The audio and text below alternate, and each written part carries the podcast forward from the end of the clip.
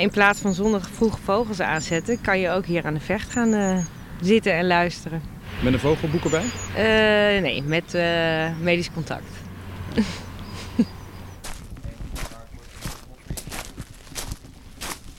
Wat, waar zijn we nu precies, Annabeth? Nou, we zijn in het dok onder ons huis. Dus uh, we staan hier uh, naar de boten te kijken, die droog uh, onder waterniveau staan. En kun je de boot eens beschrijven, wat we hier voor ons zien? Deze boot is een inmiddels motorboot van mijn vader. die heeft eigenlijk altijd zijn hele leven gezeild, maar nu toch gekozen om motorboot te nemen. En dat is een prachtig schip met een tiekhouten dek. en daar vaart hij vooral de rivieren van Europa mee af. Dus ze zijn afgelopen zomer zijn ze naar Wenen geweest. En daarnaast ligt onze dolfijn. Dat is een IP23, 23 voet, zo'n 7 meter ruim. En dat is een bootje die zo'n 40 jaar geleden door mijn vader is gebouwd. Uh, dat ongeveer, uh, dus uh, toen ik geboren werd, werd hij gedoopt. Hier zie je de sluisdeur die dus onder waterniveau doorloopt. En dan zie je daar die twee ronde gaten. Die eh, hebben een kraan. Als je die openzet, dan gaat het water via die gaten naar binnen. En dan loopt het dok dus vol. En dat duurt nou, ook een nacht, zetten we meestal de kranen open. En uh, dan kan je de sluisdeur uiteraard pas omhoog doen. Met het mes aan tafel. De chirurgische podcast, waar we een blik achter de schermen werpen bij de top van ons vakgebied. Beste luisteraars, vandaag met het mes aan tafel met Wouter Bom en ondergetekende. We gaan het hebben over brandwonden. We zijn te, vandaag de gast in, uh, zoals jullie net al hebben gehoord, in Nichtenvecht, thuis bij dokter Annabeth de Vries. Annabeth studeerde in 2012 af als chirurg en specialiseerde zich in kind- en traumachirurgie. Sinds 2016 is ze kinder- en brandwondchirurg in het Rode Kruis ziekenhuis te Beverwijk en sinds 2018 hoofd van het kinderbrandwondencentrum. Daarnaast is ze sinds 2018 ook projectleider van de necrotiserende WKD-infecties kennisproject. Ze is instructeur bij de Nederlandse Brandwondenstichting, maar zet zich overzees in Bangladesh ook in voor brandwondenzorg en cursussen. Ze is als co-promotor betrokken bij een aantal brandwond- en necrotiserende WKD-infectie gerelateerde proefschriften. En op haar cv staat bij hobby's triathlon, alhoewel de vraag is in hoeverre zoiets echt een hobby kan zijn. Maar daar gaan we in deze aflevering achter komen. Annabeth, welkom. Dankjewel. Kun je iets vertellen over waar je bent opgegroeid en uh, opgeleid? Nou, dat is letterlijk hier waar ik ben opgegroeid. Uh, welkom hier.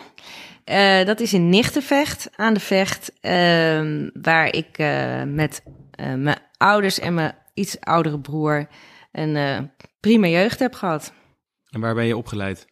Ik ben opgeleid in eerste instantie in het AMC voor geneeskunde. Dus ik kon hier het eerste jaar vanuit de fiets naar eh, het AMC fietsen.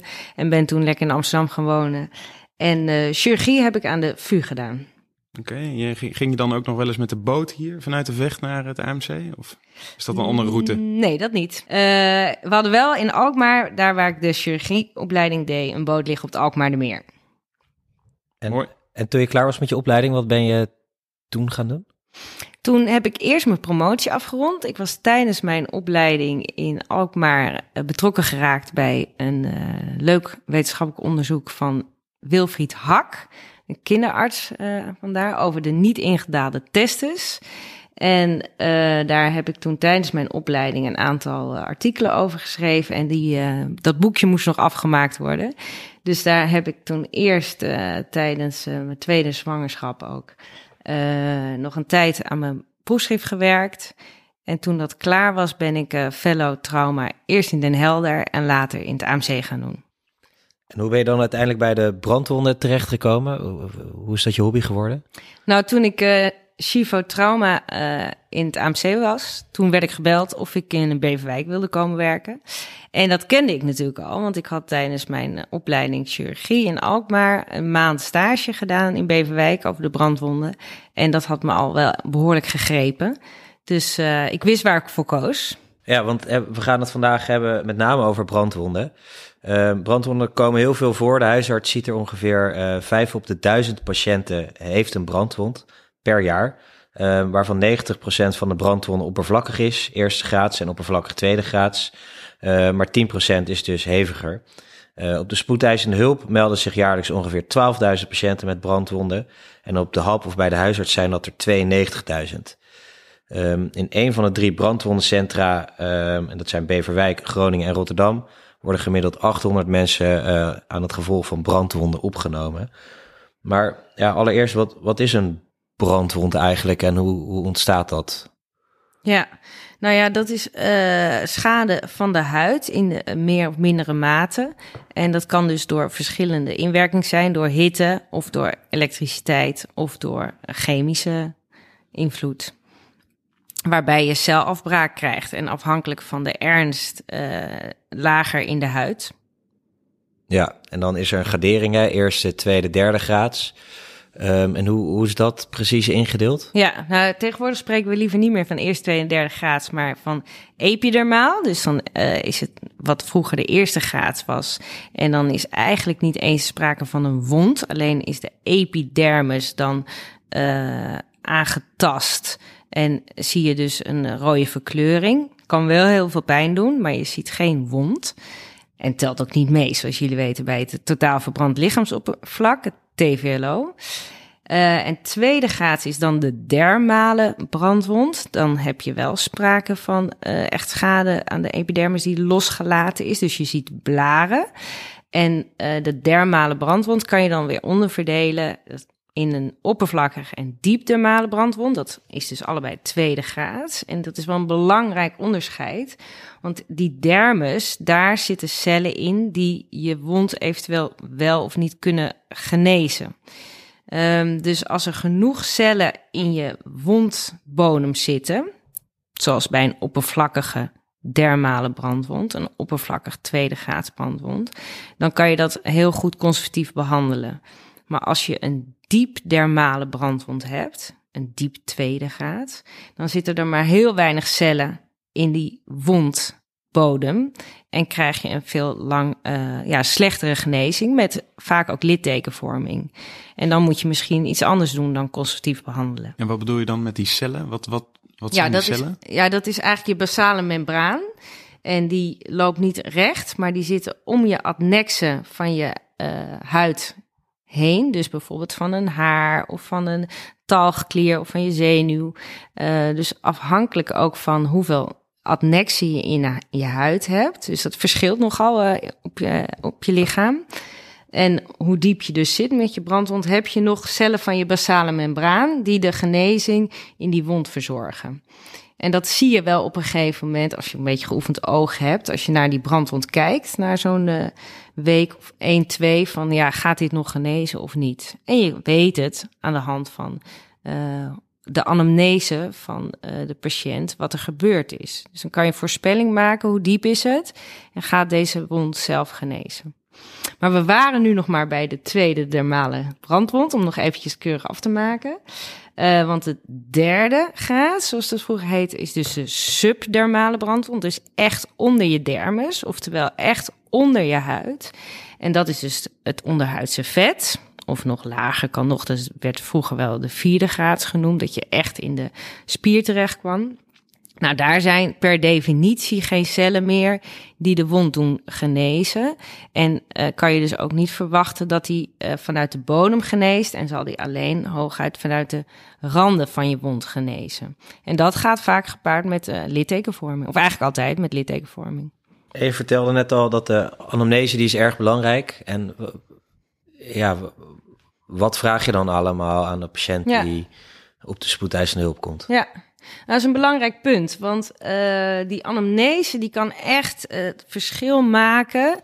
Uh, dat je kan voorspellen of hoe iets zal genezen en of het dus bijvoorbeeld een litteken um, achterblijft. Nou ja, een veel voorkomend iets wat jullie waarschijnlijk op de eerste hulp zien, is een kopje thee dat over een klein kind is gegaan.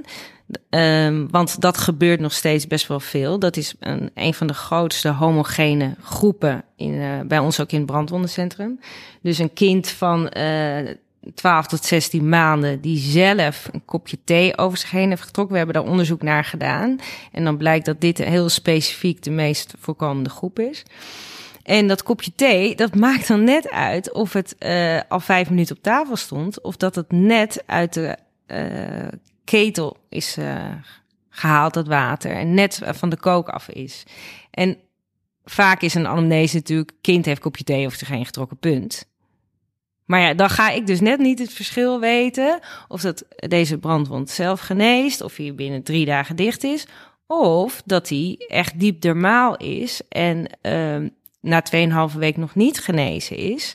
En je beter kan kiezen voor een huidtransplantatie, omdat dan uiteindelijk het litteken van betere kwaliteit is.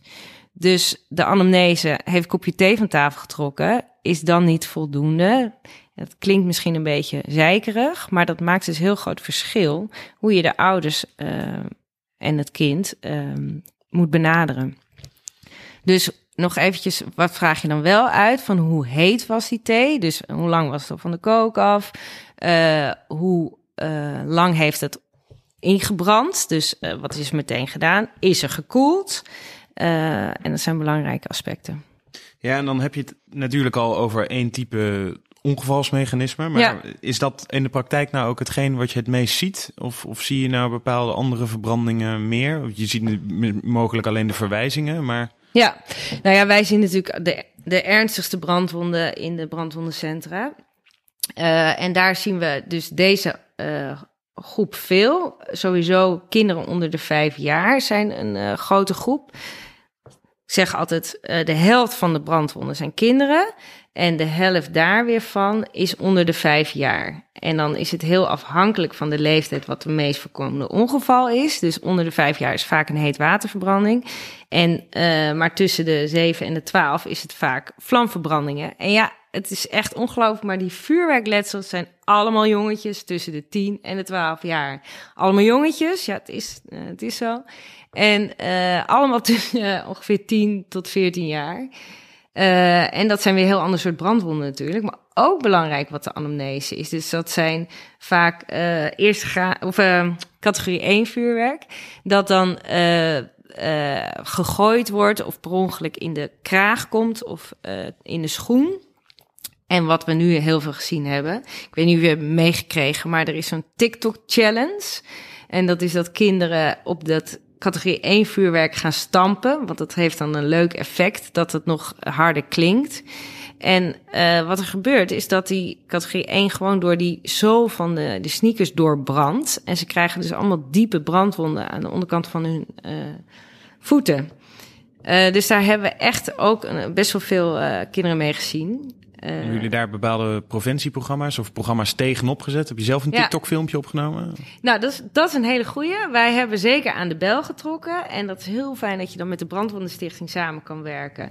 Want die doen dan persberichten uit uh, ter waarschuwing. Dat wordt goed opgepakt door de media. Dus ik ben in uh, Jeugdjournaal geweest. Heb je niet gezien? Zeker wel. En, uh, maar jij hebt een heel goed punt. Want ik dacht van ja, Jeugdjournaal leuk. Daar bereik je kinderen mee. Maar veel beter bereik je deze kinderen natuurlijk nog via TikTok. Dus we waren inderdaad van plan om een TikTok-filmpje op te nemen. Maar hebben we dat nog niet gedaan. Dus dat moeten we dan volgend jaar in november, denk ik, doen. Dat we op tijd erbij zijn. Je kinderen zijn 10 en 12. Ja. Hebben we dus dat ultiem om daarmee ja. als uh, een TikTok-filmpje op te nemen. Precies. Goed idee. En um, is er een, je vertelt al iets over de Nederlandse preventie, over hoe we daarmee bezig zijn. Um, en over de aantal ongevalsmechanismen, wat je nou precies ziet. Maar je, werkt, je hebt dus ook in Bangladesh heb je cursussen en, uh, en onderwijs gegeven bij, uh, begrijpen we, bij, bij ja. mensen en kinderen met brandwonden.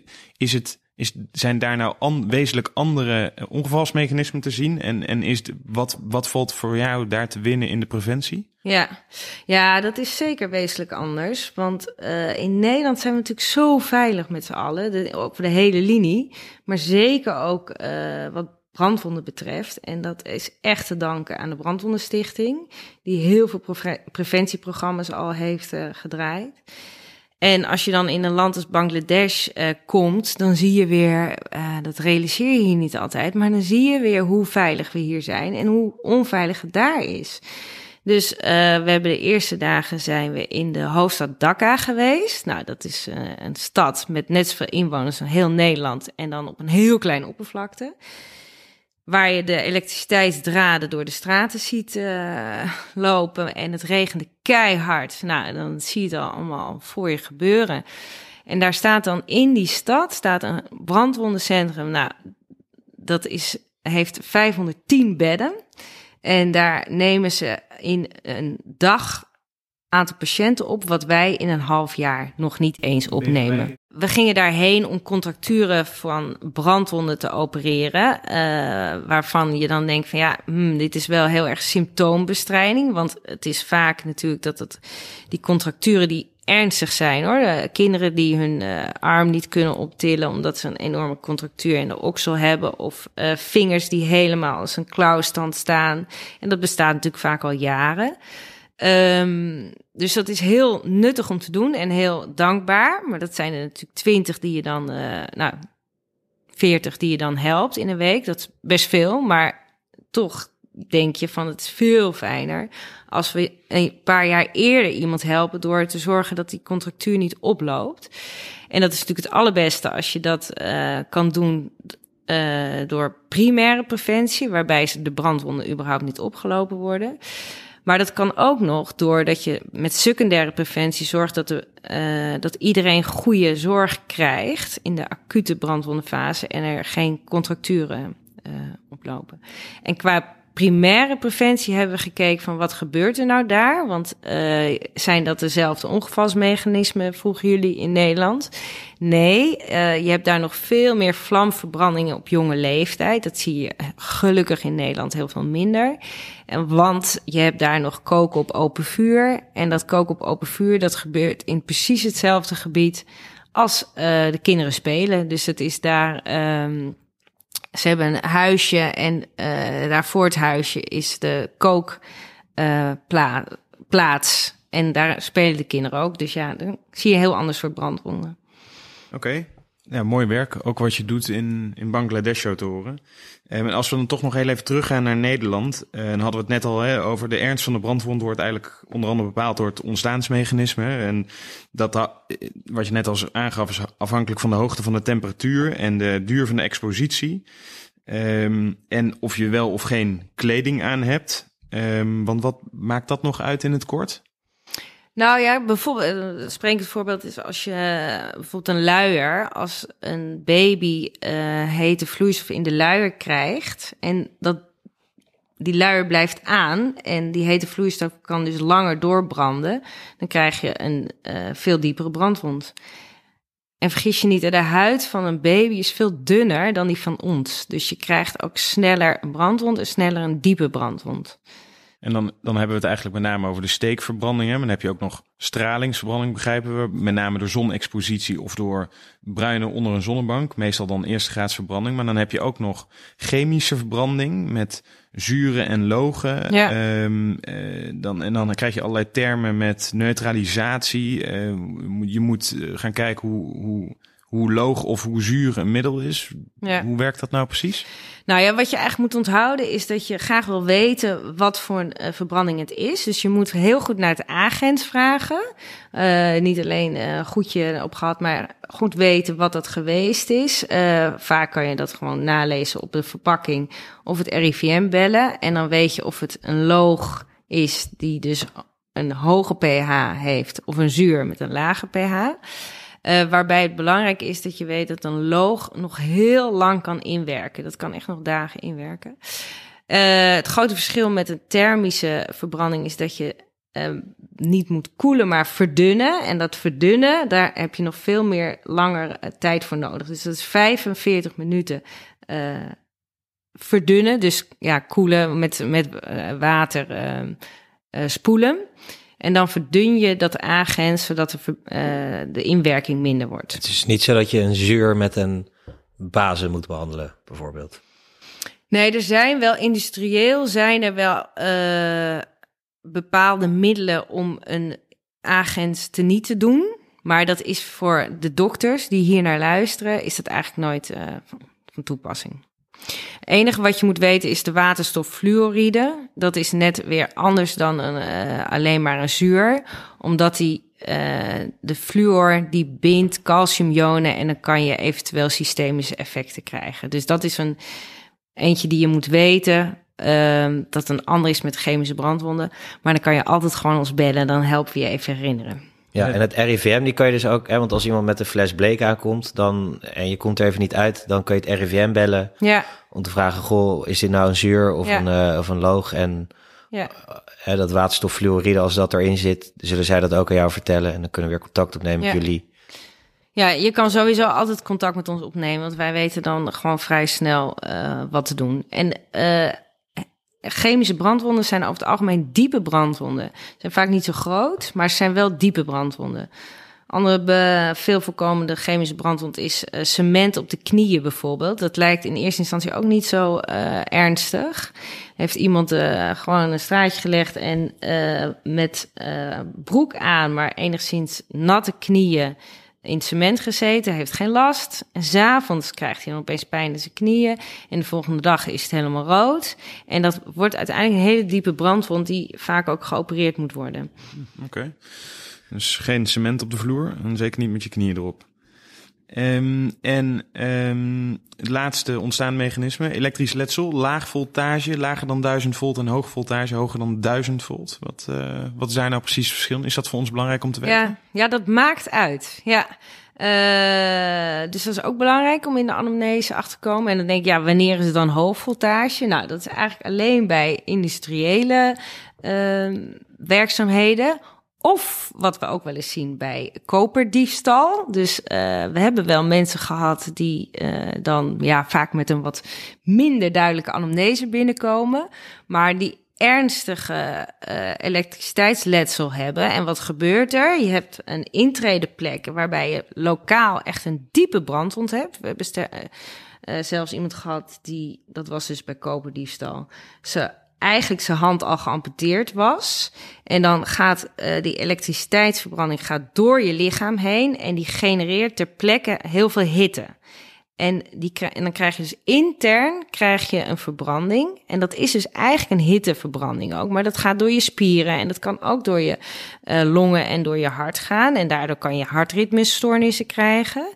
En dan gaat dat eh, naar de uittredeplek. Bij, nou, in dit geval was het eh, een bovenbeen. En dan zie je ter plekke weer een diepe verbranding. Wat je dan lokaal eh, moet behandelen met bijvoorbeeld een huidtransplantatie. En wat je dan ziet gebeuren als het dus een hoog voltage is, dan gaan die spieren waar ehm de elektriciteit doorheen gaat, die krijgen een ernstig eh, thermisch letsel, wat tot een Loge-syndroom kan leiden, of zelfs echt spierverval. In dit geval moesten we uiteindelijk een bovenarmsamputatie eh, bij deze meneer doen. Ehm, dus dat is ernstig letsel en wat je van de buitenkant niet ziet. Dus dat is eh, belangrijk om te realiseren. En dit, zo'n verhaal, gebeurt alleen bij hoog voltage. Laag voltage gaat wel door je lichaam. eh, zijn we wel voorzichtig mee. Checken we CK, zie je spierverval, maar nooit zo ernstig als met hoog voltage. En hoog voltage is dus niet eh, de 220 die we hier in de stekker hebben zitten in huis, maar dat, dat is eigenlijk alleen industrieel Boven de duizend. boven ja. de 1000. Ja.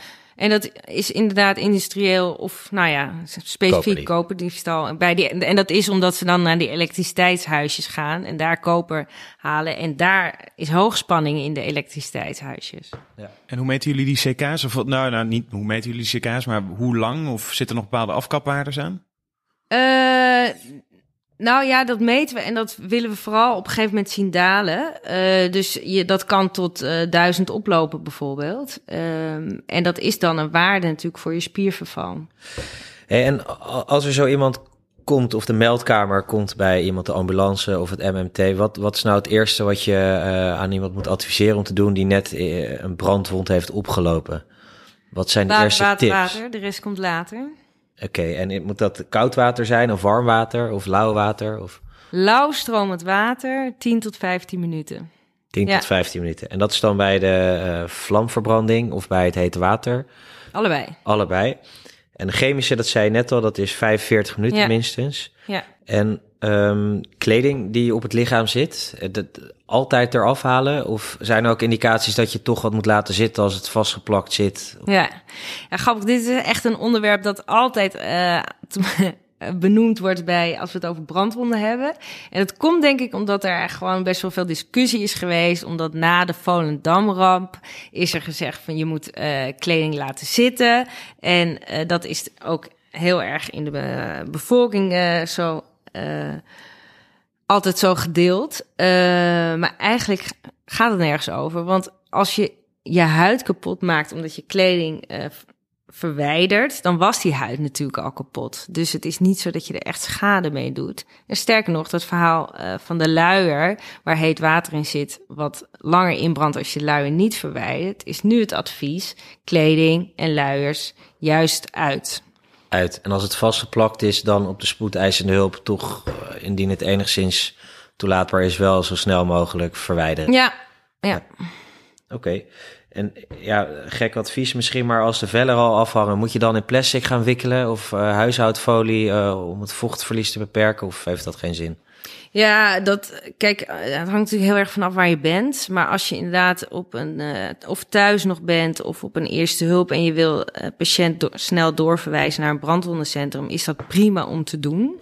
En dan heeft het ook niet zo heel veel meerwaarde om blaren te verwijderen, omdat het alleen maar heel erg veel pijn doet bij de patiënt. Uh, en zeker kinderen willen we dat veel liever even rustig onder sedatie doen. Zeker de eerste keren. Dus dan is het advies gewoon uh, foto's maken, overleg, snel inpakken. En dan uh, komen ze bij ons en dan geven we eigenlijk bijna altijd sedatie.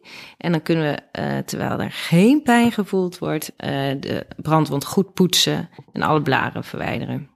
Ja, want we hebben het nu heel erg gehad over de anamnese en wat voor soorten zijn er en wat moet je doen. Um, maar je moet ook lichamelijk onderzoek doen. Is dat net zo belangrijk als je anamnese? Of? Nee, wat mij betreft de anamnese veel belangrijk. En zeker in die allereerste fase. Dus als je een patiënt de eerste hulp uh, krijgt, wat jullie veel al zullen hebben. Uh, want die brandwond is in het begin, uh, zegt hij dat lichamelijk onderzoek niet zoveel, want dan zie je nog een roze aspect. Soms wel een beetje mottig. Uh, maar dat kan de eerste dagen nog best wel uitdiepen. En dat maakt net het verschil of het wel of geen litteken kan worden. Uh, dus als je een beetje geoefend bent, dan zegt die anamnese nog veel meer dan uh, je eerste blik op de brandwond.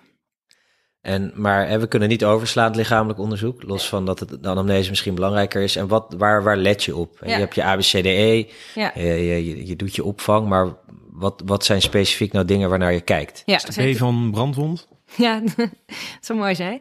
Nee, de brandwond komt pas bij de E. Uh, we gaan natuurlijk eerst volgens de ATLS uh, eh, ABCDE doen. Treat first, kills first. En um, bij de E is de brandwond aan de beurt en dan kijk je in twee grote lijnen naar de grootte en naar de diepte. Uh, grootte uh, drukken we uit een percentage van je totale uh, lichaamsoppervlak. En heb je meerdere methodes voor om dat te berekenen. Als je wat grotere brandwonden hebt, dan doen we dat liefst bij een regel van 9. En met kleinere brandwonden met je handpalm, die van de patiënt weliswaar, inclusief de vingers en de duim is 1%. En dat is vrij makkelijk voor kleine brandwonden dat je dan een schatting kan maken. Uh, maar tegenwoordig heb je er ook allemaal apps voor. De e-burn app bijvoorbeeld. En dan kan je dat intekenen. Uh, en dan vul je de leeftijd van het kind in. Ah, in en dan geeft hij dat keurig aan. Uh, dus dat wat betreft de grootte. want dat wil je vooral ook weten voor eventueel systemische effecten. En wat betreft de diepte zegt natuurlijk het aspect wel iets.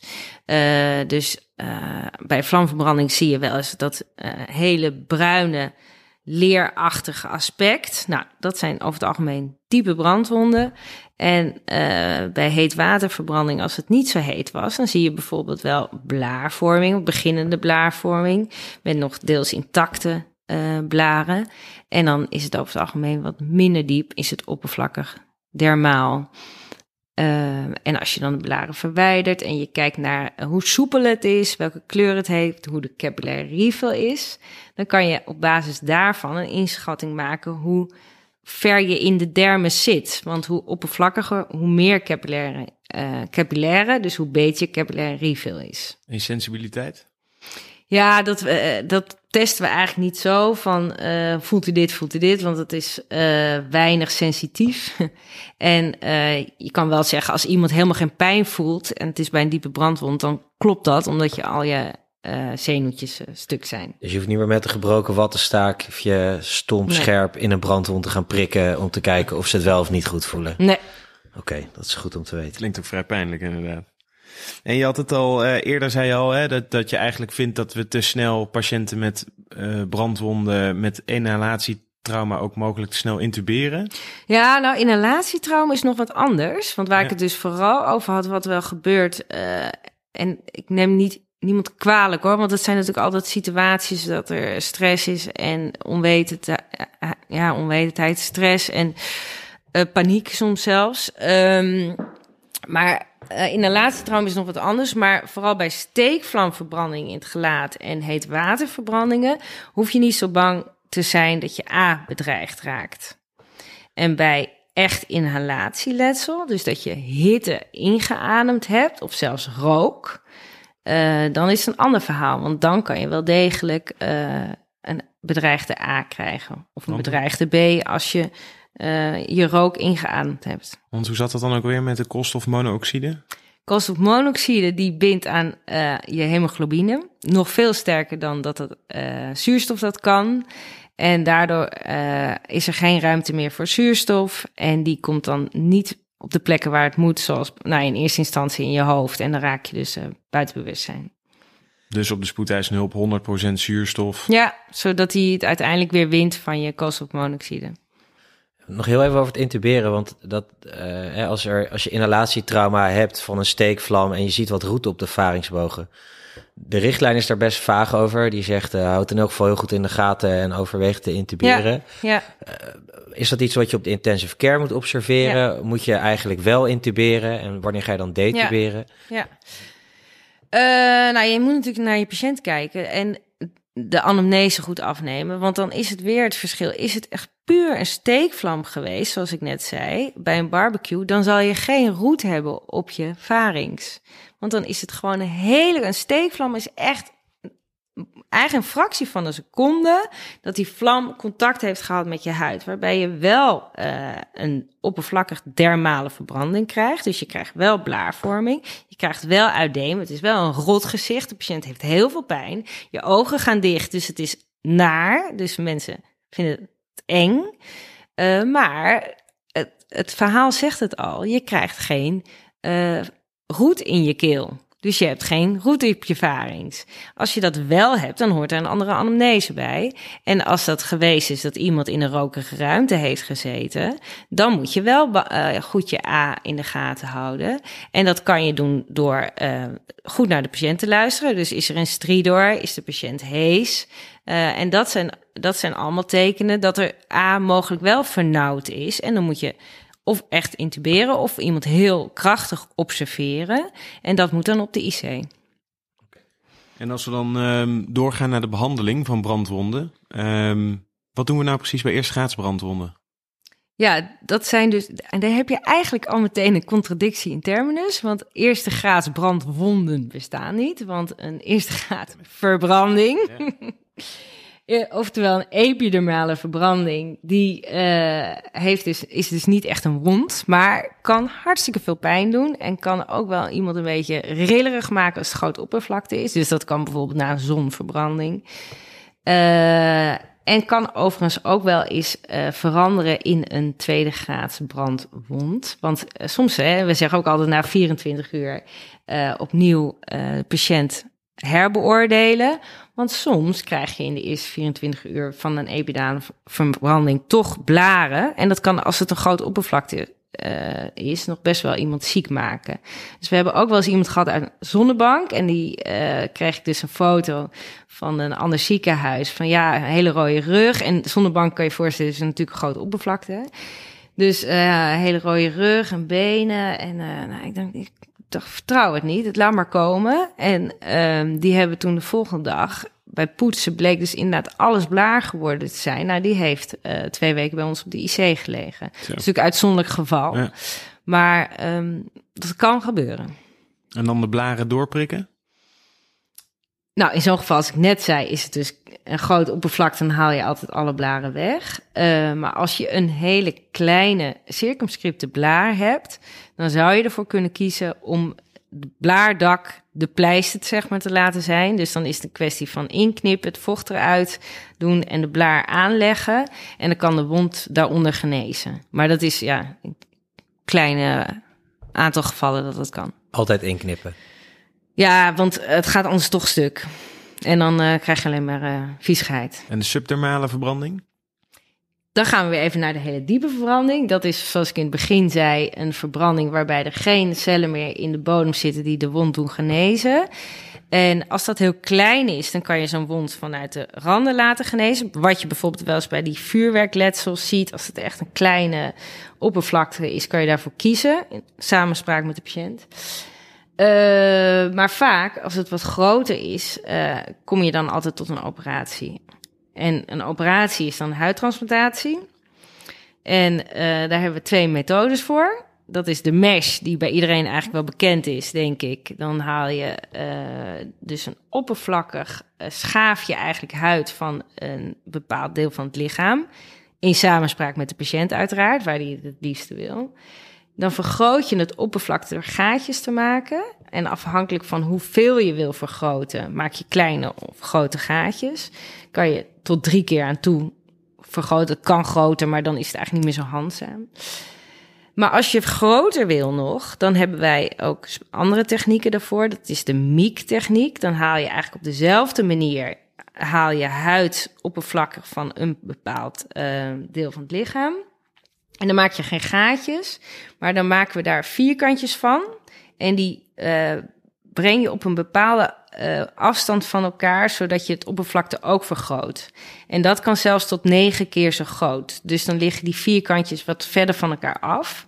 En je kan je voorstellen, als iemand uh, 80% verbrand is, dat je daarvoor moet kiezen. Want dan heb je gewoon niet genoeg huid, donor site, om uh, huid te oogsten. Maar hoe werkt dat dan? Heb je dan, heb je dan vierkantjes die je uit de huid haalt? Of, of uh, plak, maak je van, de, van dat stuk huid allemaal vierkantjes die je op een, een of andere manier op ja. de verbranding plakt? Of? Ja, dat laatste. Nou, natuurlijk zorg je eerst dat de verbranding helemaal uh, goed geëxcideerd is. Dus uh, debridement. En dan zorg je dat de wond geschikt is voor een huidtransplantatie. Uh, en hoe werkt het dan? Je, maakt, je haalt op dezelfde manier huid en dan maak je inderdaad vierkantjes van. En dan hebben we speciale methoden om daar uh, op een katoentje, plissé, uh, die vierkantjes op een bepaalde afstand te krijgen. En die leg je inderdaad op de goed, goed schoongemaakte brandwond. En die moeten daar dan ingroeien, dat is je take. En vervolgens uitgroeien naar elkaar, zodat de hele wond dicht is. En je kan je voorstellen dat hoe meer je moet vergroten en de, de vierkantjes verder van elkaar liggen, hoe langer het duurt voordat ze naar elkaar toe groeien.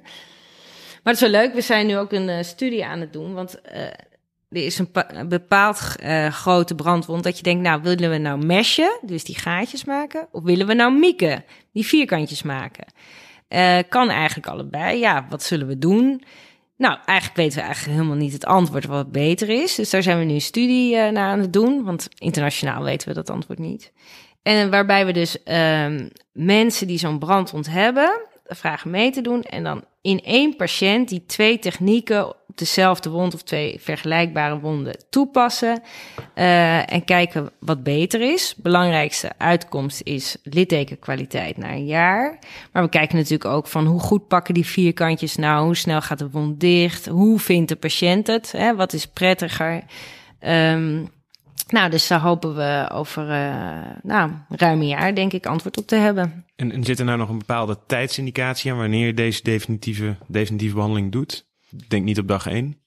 Uh, ja, dat klopt. Dat hangt heel erg van de patiënt en de brandwond af even heel erg platgeslagen kunnen we zeggen dat als een brandwond langer dan 2, 2,5 week erover doet om zelf dicht te gaan, heb je een indicatie om een huidtransplantatie te doen. En doen we dat dan bij 2,5 week.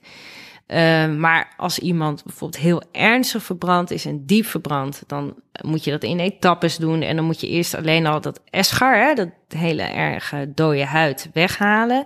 En dan kom je in een veel later stadium om te transplanteren. Uh, en als je in het begin al ziet, het is zo diep, dit moeten we sowieso opereren, kan je ervoor kiezen om eerder te opereren. Dus dat hangt heel erg van uh, allerlei factoren af. Oké. Okay. Hoe, um, Hoe verbind je zo'n split skin graft? Doe je daar een vette gaas op en een drukverbandje? Of is dat altijd een vak tegenwoordig? Nee hoor, niet altijd. En uh, vetgazen en urgetul en nietjes. Uh, eventjes weer in de meeste gevallen. Bij kinderen gebruiken we natuurlijk liever geen nietjes. En dan uh, doen we een weefsellijm bij voorkeur. Zodat er geen nietjes uit hoeven. en kind niet onder sedatie hoeft. Um, en een vak gebruiken we wel eens, uh, als de wond zich daarvoor leent. Soms, uh, ja, vooral bij die NWDI-patiënten waar we misschien straks nog over komen, waarbij vaak ondermijning onder huid is nog wat je wil opvullen met een vak, gebruiken we dat veel. En soms als een dermaal substituut gebruiken, dus een extra laagje om het littekenkwaliteit beter te krijgen, gebruiken we ook vaak uh, een vak. Ja. Oké, en we hadden het net over het verwijderen van eschar, maar um, wat is een escherotomie? Een escharotomie. Het woord zegt het al. Tomie is snijden en eschar is doodweefsel. Dus het is snijden in doodweefsel. En waarom wil je dat? Iedereen heeft denk ik wel meteen de associatie met als je een uh, diepe circulaire brandwond hebt, hè, vaak vlamverbranding. Uh, dan krimpt dat. Dat zie je misschien wel voor je. Zo'n leerachtige bruine huid die uh, helemaal insnoert. Bijvoorbeeld om de arm, waardoor er doorbloeding van je arm bedreigd kan raken. En dan wil je eigenlijk ruimte geven aan die arm. En dan snij je dus in dat dode weefsel, die eschar, in de lengte, zodat er weer ruimte komt uh, voor je doorbloeding. En dat kan ook op de thorax nodig zijn. Want je kan je voorstellen dat als dat op je thorax het geval is en dat krimpt, dan kan iemand niet goed ademhalen. En als iemand geïntubeerd is, zie je dat aan de adem, uh, beademingsdrukken. En als die heel hoog zijn, dan moet je dus snijden in dat dode weefsel op je thorax. En alleen dan, de huid? Ja, alleen die eschar. Ja, en dan zie je ook dat dat meteen splijt, dat dat meteen uh, splijt en dat het onderhuidsvet ruimte krijgt eigenlijk. En, dan, uh, en je ziet aan je beademingsdrukken dat dan uh, dat makkelijker gaat. Ja, dus kort samengevat zijn de eerste graads of de epidermale brandwonden, letsels. Um, daar kan je niet heel veel aan doen, behalve kracht observeren, kijken of het niet erger wordt. Derde graads, dat, dat is altijd littekenvorming. En dan heb je daartussen de dermade uh, uh, brandwonden. Wat moet je daar nou mee doen? Is dat iemand met een uh, kopje water over zich heen en er zitten wat blaren, de, maar de capillary refill is goed. Flamazine werd vroeger altijd gebruikt. Wat, wat doen jullie nu? En... Ja, ja, grappig genoeg doen wij ook nog best wel vaak in het begin flammazine. Vooral als er dus sprake is van eschar. Dat kan ook met heet water zijn. Uh, en dat is met name om die eschar op te lossen. Uh, dus die dode huid die er zit, die uh, beperkt eigenlijk je genezing. Dus wat wij veelal doen is de eerste week flammazine, zodat die dode huid opgelost wordt. En dan zie je een vitale wondbodem. En afhankelijk hoe diep, zal die dan kunnen genezen. En dan gaan we over op een andere zalf die dan de genezing bevordert. Wat is dat voor zalf dan? Nou, bijvoorbeeld Fusidin, uh, die dan de staf aureus met name aanpakt, die dan veel al daar uh, voorkomt. We doen ook altijd een wondkweek, um, om te kijken of er inderdaad sprake is van kolonisatie van veel aan staf aureus. Nou, die kan ook nog eens Fusidin ongevoelig zijn, dus dan kies je ergens anders voor, Bactroban of iets dergelijks. Um, omdat die kolonisatie, weet je, dan zie je niet echt een wondinfectie, maar die kolonisatie, dus je ziet gewoon veel bacteriën als je het kweekt, die remt toch echt de wondgenezing. En dat weten we als, als chirurgische assistenten of chirurgen niet zo goed. maar dat is wel een eye-opener als je daar op een gegeven moment goed naar kijkt. Uh, iemand wordt verwezen en die denkt, waarom geneest die wond niet? Nou, dan zit daar bijvoorbeeld kolonisatie van een bepaalde bacterie in, die toch echt die genezing tegenhoudt en die je dan topicaal kan behandelen. En als je dat dan uh, een weekje doet, is die wond opeens dicht. Dus uh, dat is wel nuttig om daar naar te kijken.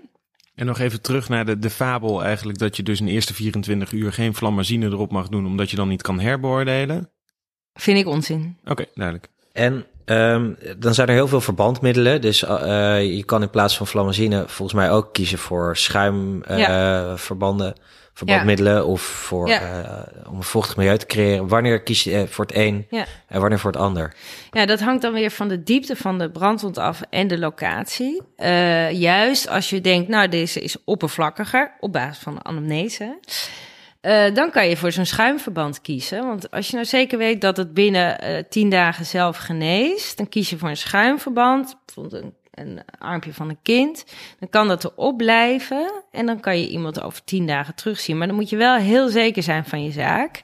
En dat is dus weer op basis van die anamnese dat je denkt van oké, dit gaat gewoon zelf genezen. We doen een schuimverband. Kind hoeft, eh, hè, kan lekker ingepakt blijven. Dat hoeft niet tot de wond eh, elke keer opengemaakt worden. Is natuurlijk veel fijner. Geen pijn. Wat doet dat dan, dat schuimverband? Ja, dat creëert inderdaad een eh, vochtig milieu eh, waarin de wond goed kan genezen. We Ja. mogen natuurlijk geen reclame maken, maar wat zijn soorten schuimverband? Eh, nou ja, wat wij gebruiken is Mepi Lex. Eh, en daar kan ook zilver in zitten. En zilver werkt antimicrobieel. En wat een ander fijn product is, is Aquacel. Dat is ook iets wat je op de brandwond doet, blijft zitten. Wat een fijn milieu creëert om te genezen. En dat heeft eh, verticale kanaaltjes in het verband, waardoor het vocht eh, zo nodig ook uit kan. ehm, En ook dat kan je langere tijd laten zitten. ja, laat je zitten. En, eh, Totdat het verzadigd is. Ja, nou ja, het, eigenlijk verzadigt het niet eens. Omdat je dus eh, dat, die kanaaltjes zorgen dat het vocht eruit gaat. En dat wordt dus in het verband daarbovenop opgenomen. En dat blijft eigenlijk aan de wond vastgeplakt. Eh, en daaronder geneest het. En dan kan je het na 14 dagen valt het eraf. Of kan je het eraf halen. En dan is die. eh, dus dat is ook met name bij kinderen, maar ook bij volwassenen. Een, een prettige, pijnloze methode.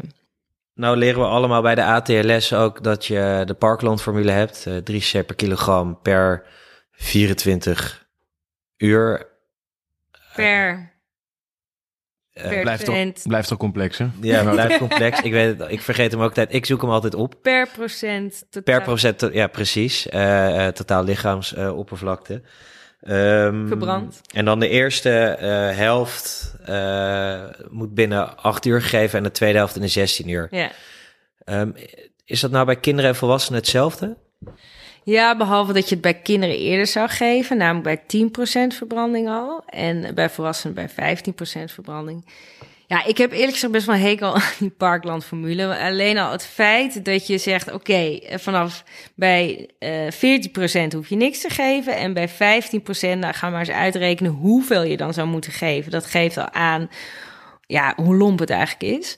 Dus eh, realiseer je dat er veel vocht gegeven moet worden bij een ernstig verbrande patiënt. En prima om met die Parkland te beginnen om eventjes te weten eh, waar zetten we het infuus in eerste instantie op. Maar vooral kijk daarnaar naar je patiënt en doe dat met diuresecontrole. Dus eh, geef een katheter. En bij volwassenen eh, check je urine-output op een half tot 1 cc per kilogram per uur. En bij kinderen 1 tot 2 cc per kilogram per uur. En vooral als, je als je er overheen gaat met je urine-output, geef minder infuus. Want eh, er is, en dat is ehm, nu op internationale congressen een hot topic, er is veel meer ellende van overvulling dan van ondervulling. En vooral bij kinderen. En ook omdat je vaak eh, het percentage wordt overschat. Dus dan kom je ook te hoog uit in je parkland.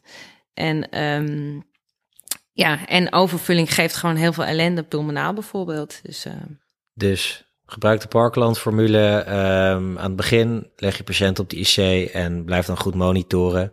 En Ja, waar niet kan, zorg dat het omlaag gaat. ja, Ook op de geef meteen een katheter en eh doe diure- diuresecontrole per uur. En pas je infuus op je diurese aan. Oké, ehm, ja, de, de, de verwijzingen wanneer wij eigenlijk hè, vanuit alle centra in Nederland naar jullie verwijzen, dat is duidelijk, dat, dat staat overal genoteerd waar je op moet letten, dus daar zullen we niet te veel op indiepen. Ehm, maar eh, hoe is de zorg nou bij jullie geregeld? Zijn er nou, wa- wat is nou wezenlijk anders in bijvoorbeeld Beverwijk dan in de centra waarin wij worden opgeleid? Ja, kijk, ik denk de hele infrastructuur gewoon anders is. Dus wij hebben een niet eens zo hele grote afdeling, maar wel een afdeling met heel veel mensen die al heel lang ervaring op brandwonden heeft en die gewoon heel betrokken zijn. Dus, en elke patiënt die binnenkomt, uh, staan al die specialismen voor hen klaar. En dat maakt uh, het verschil denk ik heel anders. We hebben een operatiekamer op de afdeling. We doen zelf de planning daarvan. Uh, dus het zijn zulke korte lijntjes. we zitten drie keer per week met z'n allen rond de tafel. iedereen um, kent alle patiënten. Dus het praat gewoon heel makkelijk. En ook fysiotherapie, alles is op ingesteld op het herstel van brandwonden. Precies. En, ja. en dus ook Jullie hebben ook brandwondartsen. Ja, we hebben brandwondartsen. Dat is een specialisme dat eigenlijk alleen in Nederland uh, bestaat.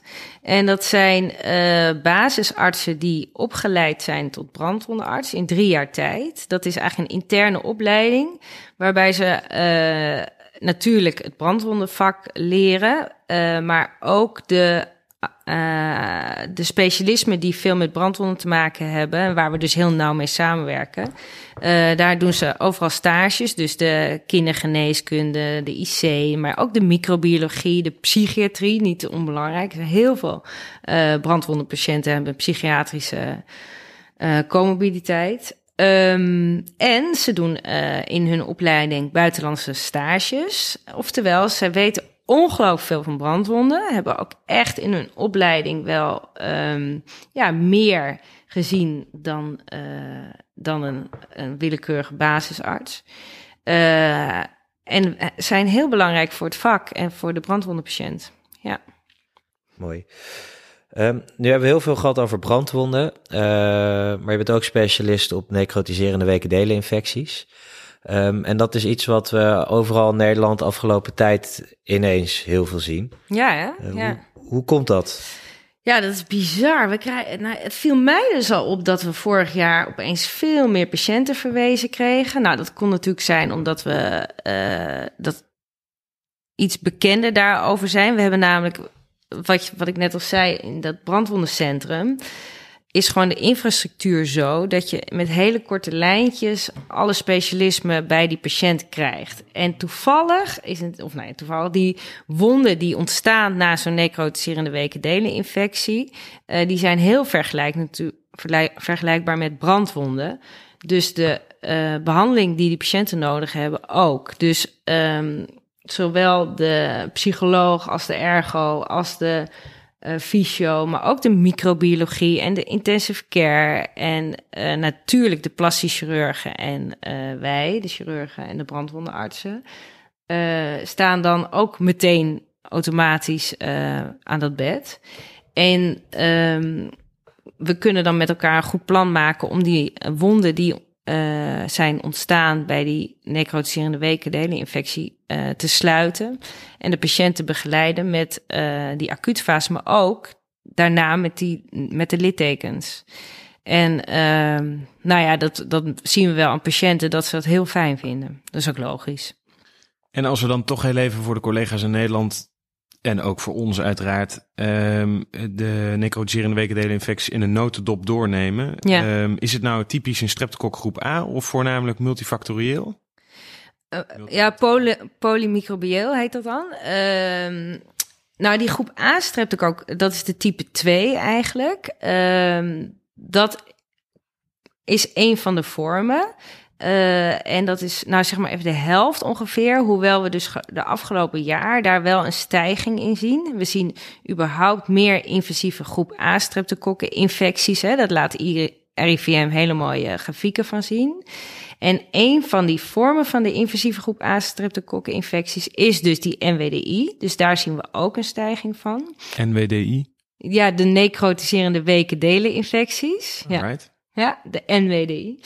Um, en het, als je uh, die groep A-streptokok, die is over het algemeen nog fulminanter dan bijvoorbeeld de polymicrobiële NWDI. Dus patiënten die heel snel systemisch ziek worden, vaak ook met gastro-intestinale verschijnselen, dus diarree of braken, uh, en echt uh, hypotensie krijgen, ja, doodziek op je, e- septisch op je eerste hulp zijn, zijn vaak de groep A-streptokokken. En wat zie je dan? Vurig erytheem? Of zijn we die fase dan al voorbij en zie je eigenlijk meer soort lijkvlekken? Ehm, Nou ja, dat, precies. Het is maar in welke fase je ze ziet. Maar soms zijn ze nog zieker dan dat je inderdaad eh, al lijkvlek ziet. Nou, toevallig twee weken geleden bij ons ook iemand die dus diep septisch kwam met een lage tensie.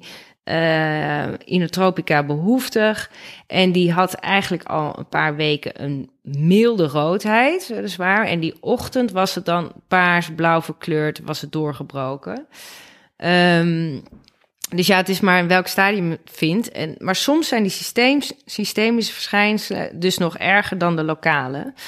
Eh, en dat is vooral met groep A-streptokokken. en is het dan eh, rustig eh, lap afwachten op de spoedeis 0 op ct'tje maken en Nee. vijf uur later een keer naar de OK? Of rennen we dan ehm, meteen met hoor, spoed mag je meteen meteen met spoed door. elkaar? Ja? Ja, in dit geval waren we binnen een half uur op elkaar, dus dat is heel fijn. Ehm, maar het gebeurt natuurlijk heel veel en dat weten we inmiddels uit de onderzoeken die we hebben gedaan, dat dat niet meteen herkend wordt. Dus we hebben veel patiënten geïnterviewd. Jaco heeft dat gedaan, promovendus. En eh, dan hoor je heel veel verhalen dat patiënten al wel hulp zochten eh, bij allerlei soorten dokters. En die dat logisch hoor, want het is zeldzaam en in het begin is het ook niet zo duidelijk. Maar dat het niet herkend wordt, hoewel de patiënt wel veel pijn heeft en zich al niet lekker voelt. En dan eh, een dag daarna herbeoordelen, wat dan vaak geadviseerd wordt, kan al een heel groot verschil maken natuurlijk. Want in die 24 uur kan iemand heel veel zieker worden en je kan lokaal heel veel meer eh, ja, ellende krijgen met grote wonden als gevolg. En wat doe je dan als je het ziet? Eh, eh, op elkaar, eh, je gaat Op naar elkaar. elkaar. Wat ga je dan doen? Ja, dan is het zaak al het necrotische weefsel te verwijderen. En eh, soms is het dus zo dat dat vooral onderhuids necrotisch is. Soms is het, zie je een kleine blauwe plek, maak je dat open en dan zie je het beeld van zo'n necrotische wekendeleninfectie. Wa- Dus Welk zie je- beeld? Wat, ja, dus dan uit? zie je eh, dat afwaswater, wordt er wel gezegd, een beetje eh troebel vocht uit de weefsels. Je ziet, je voelt dat over de fascie kan je eigenlijk vaak tussen de fascie en de subcutus het weefsel zo precies openen. Ehm, en dat is, hangt ook weer van af. Je hebt ook een spectrum. Want toevallig hadden we deze week ook een patiënt met een vrij oppervlakkige eh, necrose. Die eigenlijk precies in de subcutus net onder de huid zat. Dus dan was je niet op die diepe fascie, maar wel necrose. En eh, bij je, je moet dus bij je eh, eerste debrinement al het necrotisch weefsel verwijderen. En niet meer. Dus als je daarboven nog vitale huid hebt, dan is ons advies wel dat te laten staan. Want je kan dan natuurlijk heel veel winst behalen in de uiteindelijke reconstructies als je nog huid hebt. Ehm, dus al het necrotische weefsel verwijderen en de dag daarna kijken of, er nog, eh, of het uitgebreid is. Eh, en dat zo, zo nodig opnieuw alle necrotes verwijderen. En dan reconstrueren wat eventueel met de plastisch chirurg. eh, Nou ja, wat er dus gebeurt, is dat patiënten vaak in een ander ziekenhuis meerdere keren geopereerd worden, totdat het goed onder controle is, iemand niet meer ziek is. En dan blijft er een grote wond open, en vaak aan ledematen, dus hele been die gestript zijn, maar ook over flanken en eh, scrotum, ook vaak. Hè. We hebben wel eh, patiënten gehad waarbij de testikels in de lies eh, eventjes eh, begraven zijn. Je kijkt meteen heel, heel, heel angstig. Ehm, ja, dat wil ik niet. Nee, omdat het hele scrotum verwijderd moest worden. Ehm, en dan is het vaak komen ze in een fase van, oh jee, en nu? En dan is het wel heel fijn, ook voor degene die dat behandelt, om te weten dat wij er zijn en dat wij dit soort patiënten heel veel behandelen. Want dan kunnen ze verwijzen, dan komen ze naar ons toe en dan hebben wij vaak eigenlijk altijd wel oplossingen om de wond dicht te krijgen, maar ook dus alle andere specialismen die de patiënt kunnen helpen. En ehm, ook zelfs nog, hè, als ze daar behoefte aan hebben, lotgenotencontact. En ehm, ja, ze komen gewoon in een wereld waar dit heel bekend is. Dus dat is eh, vaak heel prettig voor ze. Quick for. Ehm, wat is je grootste passie buiten het ziekenhuis?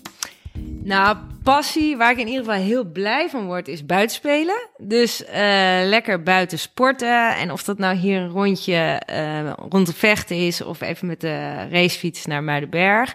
Of beter nog tourskiën uh, door de Alpen of schaatsen op, in Zweden. Dat is wel echt iets waar je mij voor wakker kan maken en waar ik ja, heel blij van word. En wat zou je hebben gedaan als je geen chirurg was geworden?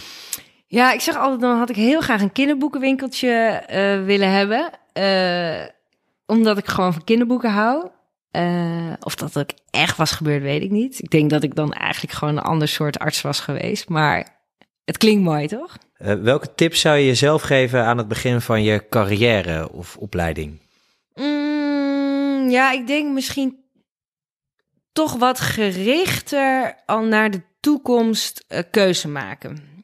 Uh, dus uh, waar wil ik eindigen en waarom, waarom ga ik dan dit wel of niet doen? Dat is denk ik iets wat mensen nu ook wat bewuster doen. De millennials van nu die maken wat meer een eigen leven, weten waar ze heen willen en doen bepaalde dingen wel of niet. En uh, ja, alles heeft voor- en nadelen. Maar bij in mijn tijd was het zo van uh, je doet wat op je afkomt en je geniet ervan. En ik heb heel veel leuke dingen mogen meemaken, heel veel uh, gezien en gedaan, enorm van genoten. Maar minder bewust van oké, waar wil ik eigenlijk eindigen? Dus waarom ga ik bepaalde dingen wel niet doen? En wat, zou de, wat is de grootste verandering in het bedrijf van de chirurgie tijdens jouw carrière? Uh, grappig. Ik had, gisteren moest ik een co-assistent beoordelen. En toen dacht ik, jeetje, dat is eigenlijk ook wel weer naar wat ik net zei. Wij hadden gewoon, je was co-assistent en je liep mee en je, ja, je keek gewoon wat er gebeurde. En nu is het zo, een co-assistent komt binnen en die heeft natuurlijk leerdoelen. Die, wordt, uh, die bedenkt wat, uh, wat ze wel en niet wil zien of hij...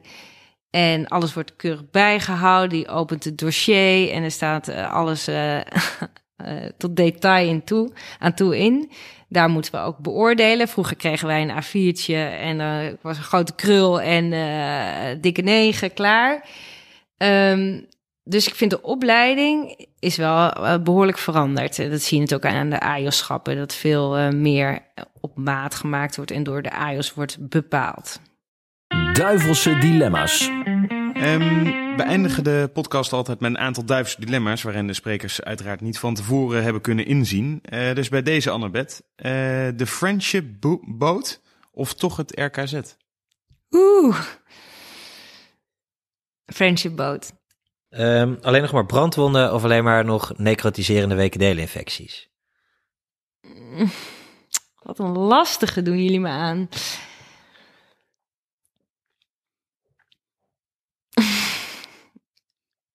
En weer de is. Oké. Okay. Super fanatiek sporten of super fanatiek bier drinken op de Chirurg Cup? Ah, sporten. Oké, okay, dat was een makkelijke. Uh, cappuccino of een vers gebakken appeltaart? Cappuccino. Um, je doet triathlons, uh, hardlopen, zwemmen of wielrennen? Wielrennen, by far. Die andere twee haat ik. Nou, dat lijkt me een hele positieve afsluiter. Um, Annabeth, dankjewel voor je komst. Um, ja, dankjewel eigenlijk voor onze komst. Eigenlijk in jouw huis. Dankjewel voor dat we hier mochten zijn. Uh, heb je nog een laatste boodschap voor de luisteraar?